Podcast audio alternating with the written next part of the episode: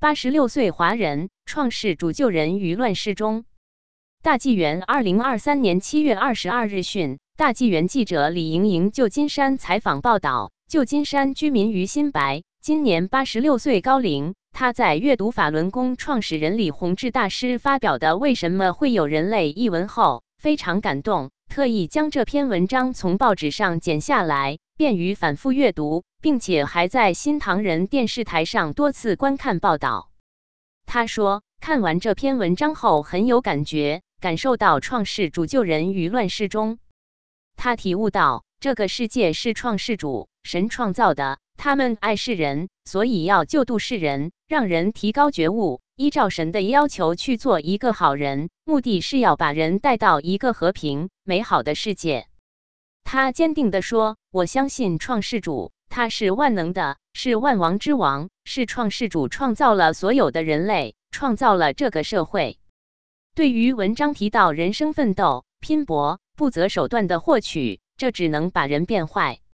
于先生深表认同。本来关心个人的得失无可厚非，可是一个人如果只顾自己而不顾他人的利益，甚至侵犯他人的利益，这就是魔鬼的行为。我们不可以侵犯别人的利益。去伤害他人，可是我们很多人都是从利益上、从个人的得失有没有好处这方面来着眼。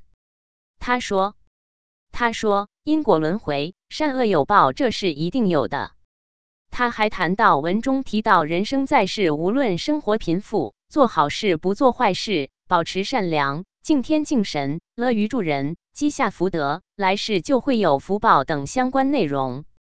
现在这个世界上的人很难做得到这么好。他说，包括我自己都很难做得到。碰到问题时总是有错误，想法有错误，做法有错误。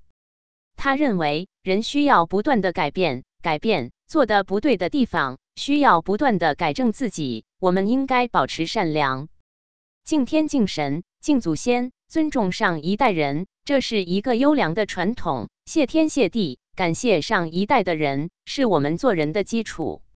他说：“真善忍让人类道德回升。”他认为人类道德回升有一个很好的示范，那就是真善忍表现出来的精神。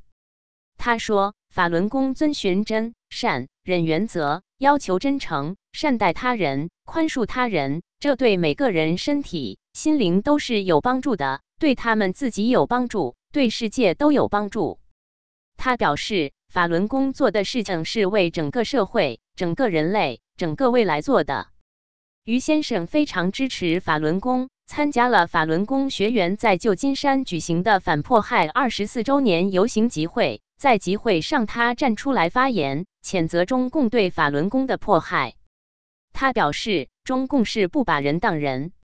于先生年轻时曾经被打成右派。在即将大学毕业的一天下午，突然被学校抓走，送到农场里去劳动教养。这一去就是五年。劳改之后，他逃亡到香港，最终辗转到了美国。我很明白法轮功学员的痛苦，因为他们的痛苦跟我的痛苦是一样的，所以看到他们被迫害，我是一趟一趟的流眼泪。他在反迫害集会上说。共产党杀人真是太残忍了，所以我要站出来说一些真话。为了我的人生，为了公益，这是我的社会责任。我要站出来讲话。责任编辑：宋佳怡。